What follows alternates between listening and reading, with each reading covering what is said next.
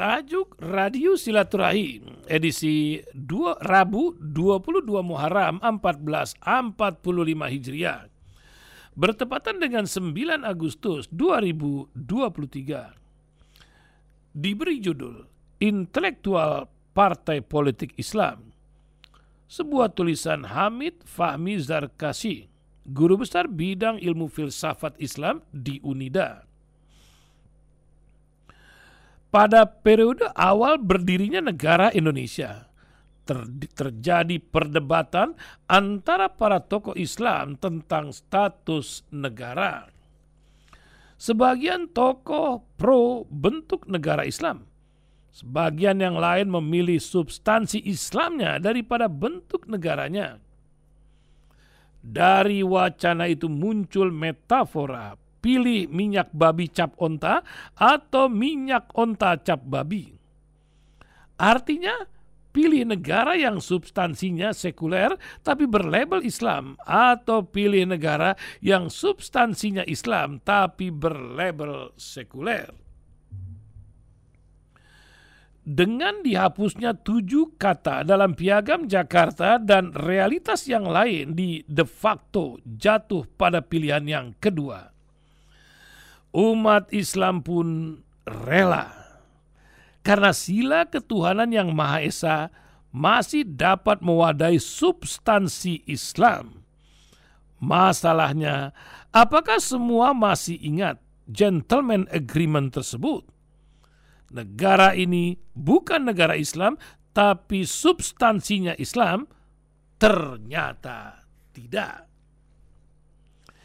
Di zaman Orde Lama, umat Islam dituduh seakan masih menginginkan pilihan pertama. Umat Islam pun dilukis seakan berwajah subversif. Umat Islam justru dipaksa kompromis dengan komunisme. Tidak jelas di mana substansi Islam diterapkan. Sampai pelajaran agama di sekolah pun ditiadakan di zaman Orde Baru, upaya memasukkan substansi Islam mulai nampak. Tapi tetap saja umat Islam dibatasi, dikawal, dan dicurigai. Untuk itu, umat Islam dipastikan dan dipisahkan dari politik. Moto yang ditawarkan Nurholis Majid misalnya, misalnya Islam yes, Partai Islam no seperti menguatkan kebijakan itu. Ketika reformasi bergulir tahun 1998, umat Islam seperti terlepas dari belenggu depolitisasi. Para tokoh umat Islam pun mendirikan partai-partai baru. Euforia berpolitik umat Islam itu seperti mementahkan asumsi Nurholis Majid dalam sebuah simposium di Tokyo tahun 2008, saya menyatakan ini adalah titik balik dari depolitisasi Orde Baru. Realitasnya, umat mau berpartai politik Islam, partai Islam yes, dan juga berislam Islam yes. Tapi pernyataan saya dibantah oleh A. Rabasa, pengkaji Indonesia dari Amerika. Tidak ada perubahan dalam politik Islam di Indonesia. Demikian katanya. Umat Islam tetap tidak suka politik Islam.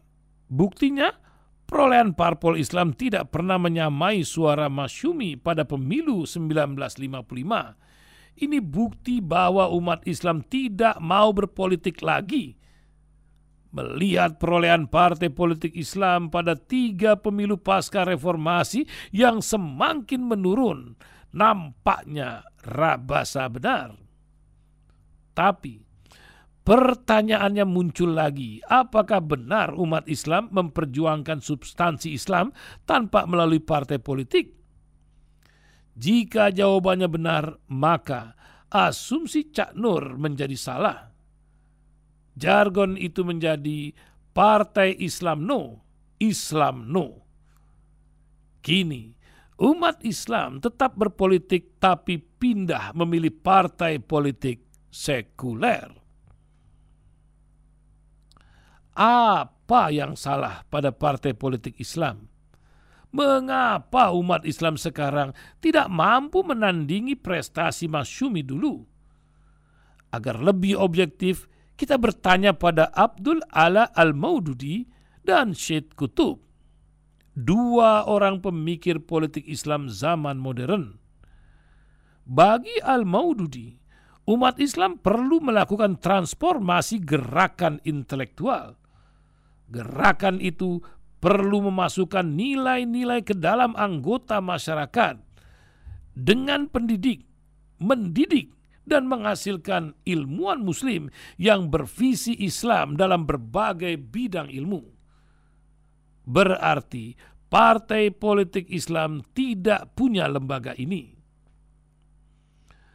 Partai politik Islam seharusnya mengikuti langkah-langkah Rasulullah Wasallam. Demikian tulis Al Maududi.